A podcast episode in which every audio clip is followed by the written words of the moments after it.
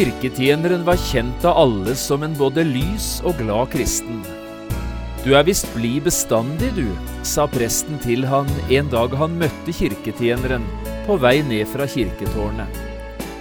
Å nei, svarte kirketjeneren, men jeg tar alle sorgene mine med meg opp i tårnet og legger dem fra meg der. Og så tar jeg i stedet med meg gleden ned igjen.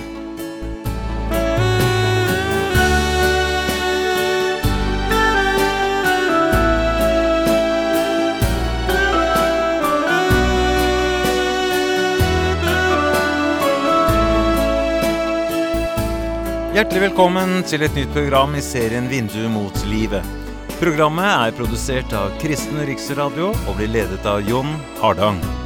Kristen Riksradio drives av frivillige gaver. Vi er glade for din støtte.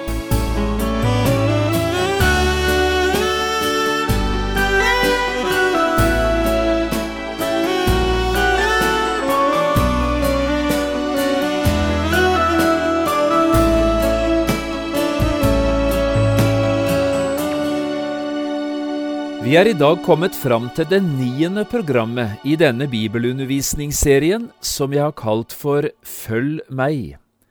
Dette er altså en gjennomgang av Jesu bergpreken og den første av de fem store talene Jesus holdt, og som er gjengitt i Matteus evangeliet.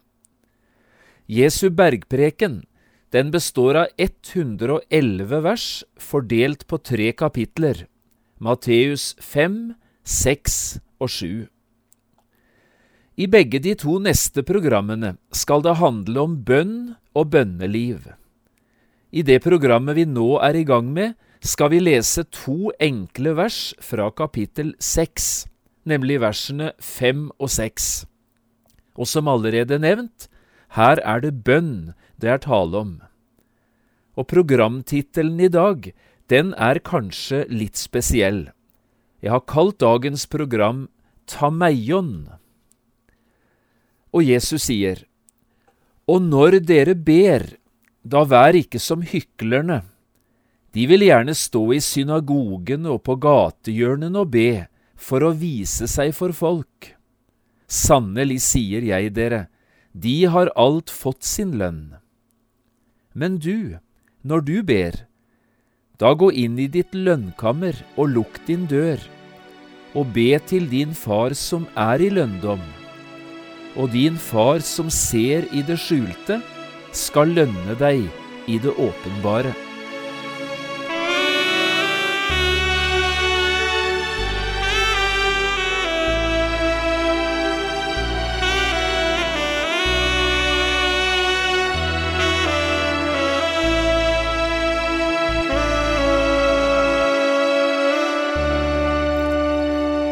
Kanskje jeg i dag skulle få lov å starte med å ta fram to sitater.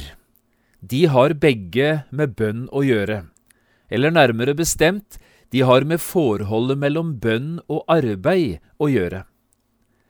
Det første sitatet er et gammelt latinsk uttrykk som for mange hundre år siden ble formet av katolske munker et eller annet sted her i Europa. Ora et labora sa disse munkene, be og arbeid. Dette uttrykket sier noe om hva vi skal legge vekt på, om vi vil komme noen vei med Guds rikes arbeid her i verden. Akkurat som du må bruke begge årene hvis du skal komme noen vei med robåten din, så er bønn og arbeid navnet på de to årene du må bruke dersom du skal komme noen vei med Guds sak her ute på det store folkehavet. Ora et labora, be og arbeid. Det andre uttrykket er et sitat som jeg ikke helt vet hvor kommer fra, men også disse ordene sier noe viktig om samme sak. Når vi arbeider, arbeider vi. Når vi ber, arbeider Gud. Også det er noe å ta med seg for den som vil følge Jesus, og som har et ønske om å tjene Han i denne verden. Når vi arbeider, arbeider vi. Når vi ber, arbeider Gud. To ganger i løpet av Jesu bergpreken tar Jesus fram en del sannheter omkring dette med bønn og bønneliv. Den første gangen han gjør det, er her i kapittel seks, altså det stedet vi har lest fra i programmet i dag. Kapittel seks, fem til 15, for å være helt nøyaktig. Og det er dette avsnittet vi nå skal se nærmere på i de to programmene vi nå er i gang med.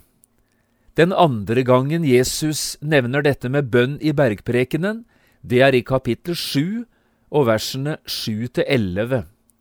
Også det avsnittet skal vi komme tilbake til, men ikke før i slutten av denne programserien. Men eh, la oss nå, før vi går helt konkret inn på dette som har med bønn og bønneliv å gjøre i bergprekenen, la oss igjen forsøke å sette dette inn i den riktige sammenhengen. Og vi spør, hvorfor tar Jesus fram dette med bønn akkurat her? Ja, svaret på det spørsmålet er ikke vanskelig å få tak i. Jesus er i denne nokså store og omfattende delen av bergprekenen opptatt med å sammenligne fariseernes måte å tenke på, leve på og nærme seg Gud på, med den måten som han ønsker at disiplene hans skal gjøre det på. Jesus sier fariseisme og kristendom er like forskjellig fra hverandre som mørke er forskjellig fra lys. Disse to er like uforenlige som ild og vann. Dette er hovedsaken.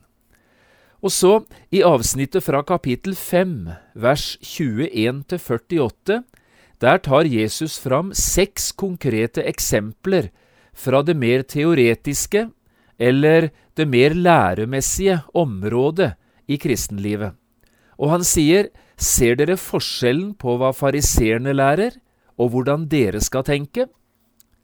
Og så, i avsnittet fra kapittel 6, 1–18. Der tar Jesus fram tre konkrete eksempler fra det praktiske livet, altså fra konkrete områder der fariseerne og Jesu disipler vil både tenke og handle på vidt forskjellige måter. Jesus snakker om givertjeneste, vers 1–4. Han snakker om bønn, fra vers 5 til 15, og han snakker om faste, vers 16 18.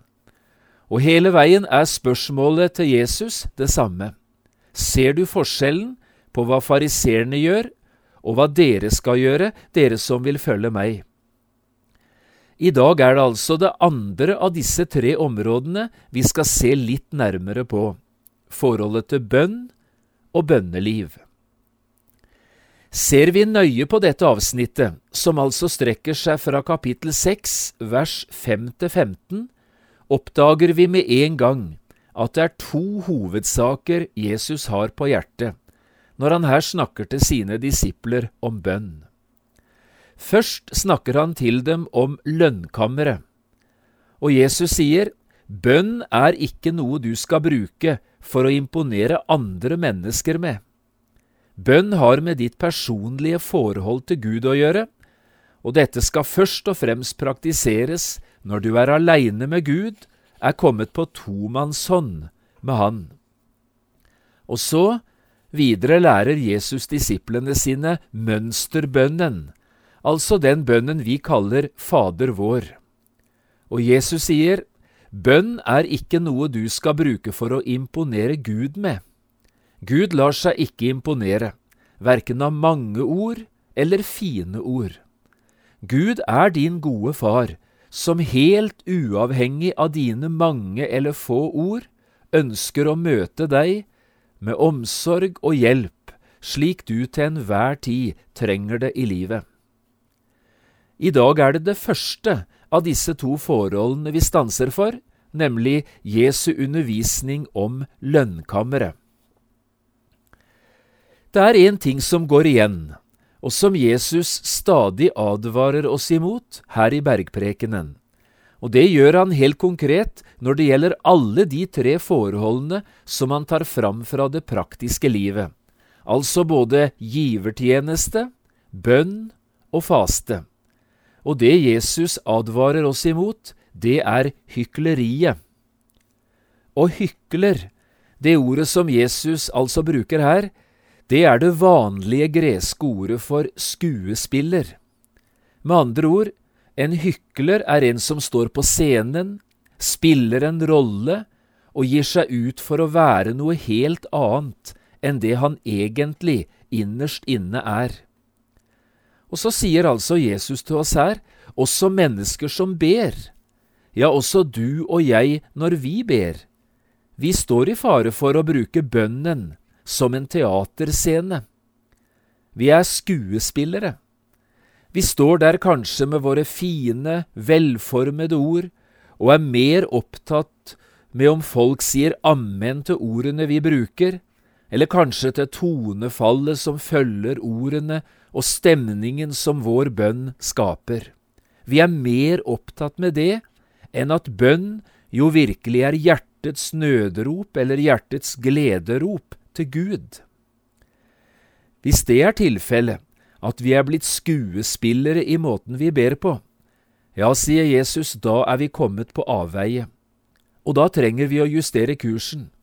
Eller sagt på en annen måte, da trenger du og jeg å tenke nytt og annerledes om bønn. Og hva dette så konkret går ut på, det å tenke nytt og annerledes om bønn, det er akkurat det Jesus setter ord på i det avsnittet vi har foran oss i dag. I vers fem advarer han oss mot hykleriet, men i vers seks der begynner Jesus å snakke om lønnkammeret.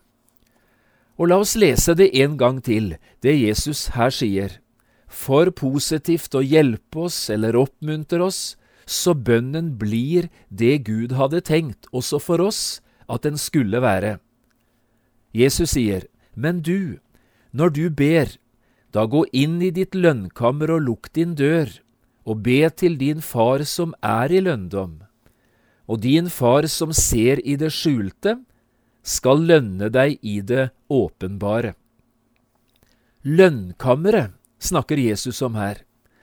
Dette er det eneste stedet i hele Bibelen at akkurat dette ordet er brukt. Saken møter vi selvfølgelig mange ganger, både i forbindelse med Jesu liv og ellers i Bibelen. Men akkurat ordet, lønnkammeret, det er bare nevnt denne ene gangen. Og det er et fantastisk ord, spør du meg, det ordet Jesus her bruker.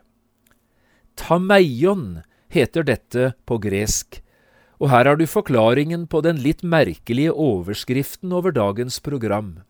Tameion. Som sagt, tameion er for meg et fantastisk ord, og i dag har jeg gledet meg til å dele med deg litt omkring dette ordet. Det kan nemlig være med å kaste lys over det Jesus her vil ha sagt oss. Tameion var på Jesu tid navnet på et bestemt rom i et hus eller en bygning, og det brukes som litt forskjellige slags rom avhengig av hva slags hus vi har med å gjøre. Her skal du få de tre viktigste betydningene eller bruksområdene for dette ordet. For det første, tameion brukes som navn på et spiskammer, altså et oppbevaringssted for mat. For det andre, tameion brukes som navn på et skattkammer, altså som oppbevaringsstedet for særlig verdifulle ting eller gjenstander. Og for det tredje, tameion brukes som navn på et rustningskammer, altså et navn på det stedet der du oppbevarte våpen. Hva Jesus helt konkret tenkte på da han brukte akkurat dette ordet, det vet selvsagt ikke jeg. Men jeg tenker det er heller ikke det viktigste. Det som er viktig for deg og meg i dag, det er hva dette ordet kan formidle av lys og klarhet og forståelse når det gjelder dette helt konkrete bønnestedet, som Jesus altså her kaller for lønnkammeret, eller for tameion. Og la meg nå bruke alle disse tre romtypene som illustrasjoner på ulike sider med det som har med lønnkammeret å gjøre. Altså det stedet Jesus viser til når Han vil verne oss fra hykleri og skuespill, og i stedet gjøre bønnen til det møterommet det skulle være, mellom Gud og den enkelte av oss. Vi som både sårt og av forskjellige grunner trenger til dette lønnkammeret hver eneste dag. Det ene ordet var spisskammer. En må kanskje være kommet opp i min alder, eller iallfall tilhøre den godt voksne generasjonen, for å ha fortrolighet med det ordet, og gjerne forstå hva det betyr. I vår tid er det mest snakk om kjøleskap og kjølerom og fryseboks og fryseskap og kanskje lagerrom, men sjelden og aldri hører vi ordet spisskammers brukt. Hva var et spiskammer? Ja, som tidligere nevnt, et spiskammer er et oppbevaringssted for mat, altså et sted der husets folk kunne gå hvis de skulle hente fram den nødvendige maten som skulle settes på bordet, altså det som skulle til for å stille sulten og fylle tomme mager. Du sitter ikke og spiser inne i et spiskammer, men du henter ut mat derfra som du trenger å sette på bordet, som du trenger å spise. Bibel og bønn, det er et ordpar som vi ofte bruker i kristen sammenheng, akkurat som det vi allerede har nevnt, be og arbeid. Dette handler om noe av det viktigste for den enkelte av oss å ha nærkontakt med, hvis vi skal fungere som kristne og få til å leve det livet som vi er kalt til som Jesu etterfølgere. Og særlig dette med Bibelen, Guds levende ord til oss, det er det sentrale i forståelsen av ordet tameion, lønnkammeret, når vi tenker på dette ordet som spisskammer. Også i kristenlivet, i likhet med det ordinære menneskelivet, trenger vi et regelmessig inntak av sunn og god næring, hvis livet vi lever skal vokse og utvikle seg, og vi hver eneste dag skal ha styrke og kraft nok både for vandringen og for tjenesten. Vi har en strålende beretning i Bibelen som forteller litt om betydningen av et slikt sted. Jeg tenker på Markus 6, avsnittet fra vers 30 til 32. La meg få lese de tre versene for deg. Apostlene samlet seg igjen hos Jesus og fortalte ham alt det de hadde gjort, og hva han hadde lært folket. Jesus sier da til dem, Kom med til et øde sted hvor vi kan være for oss selv, og hvil dere litt. For det var mange som kom og gikk, så de ikke engang fikk tid til å spise. Så dro de bort med båten til et øde sted for å være for seg selv. Jeg synes dette er en enkel og aldeles nydelig skildring. Og du ser hva dette handler om, ikke sant? Det handler om en lukket dør til travelhet og krevende hverdager. Det handler om muligheter for hvile og mat og nærhet til Jesus. Med andre ord, det som er hovedingrediensene i lønnkammerets velsignelse. Og så det andre ordet. Det var ordet skattkammer.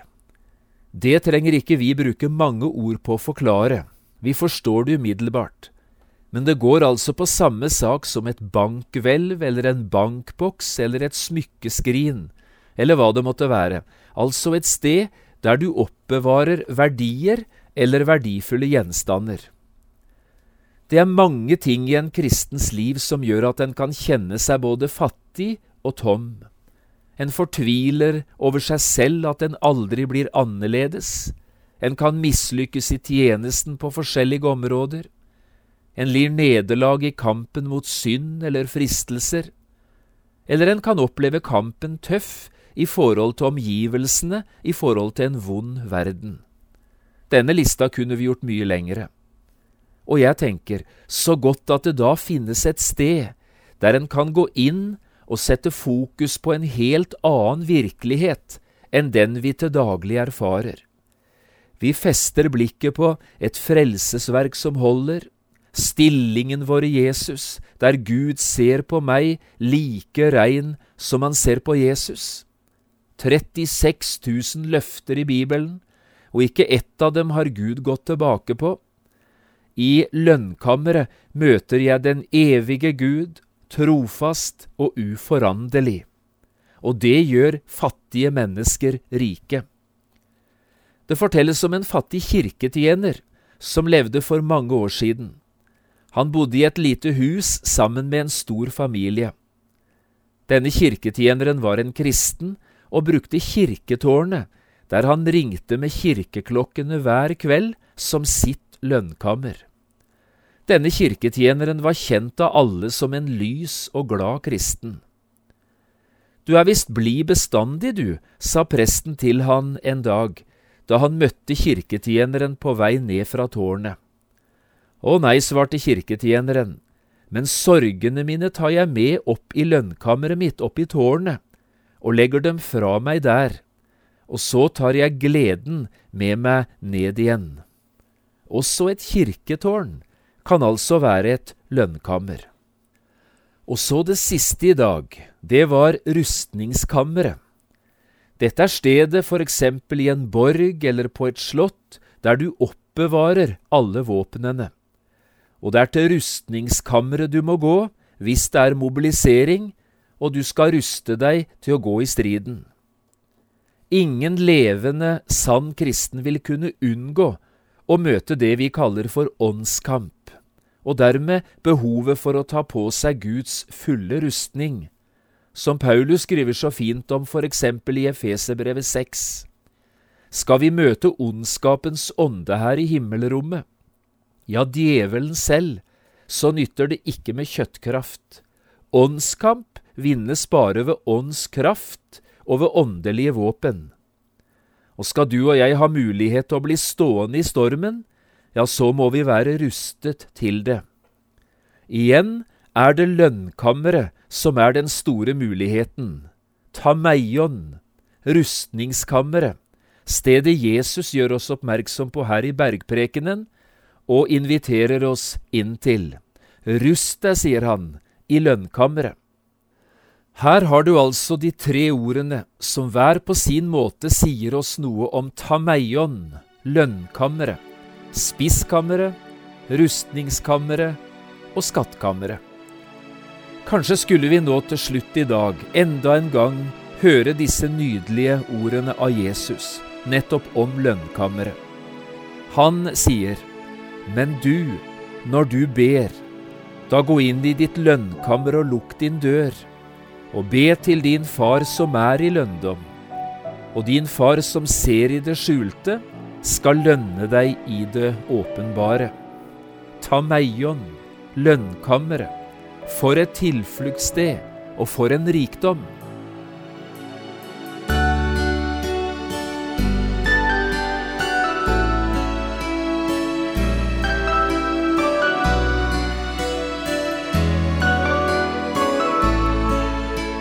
Du har hørt på et program fra serien Vindu mot livet med John Hardang. Programmer i denne serien kan også kjøpes på CD fra P7 Kristen Riksradio, eller høres på internett på p7.no. Har du spørsmål eller kommentarer til det du nå har hørt, kan du ta kontakt med oss på telefon. Da bruker du telefonnummer 56 32 17 01. Du kan også sende oss en e-post. Adressen er vml.krøllalfa.p7.no. Takk for i dag, og på gjenhør. うん。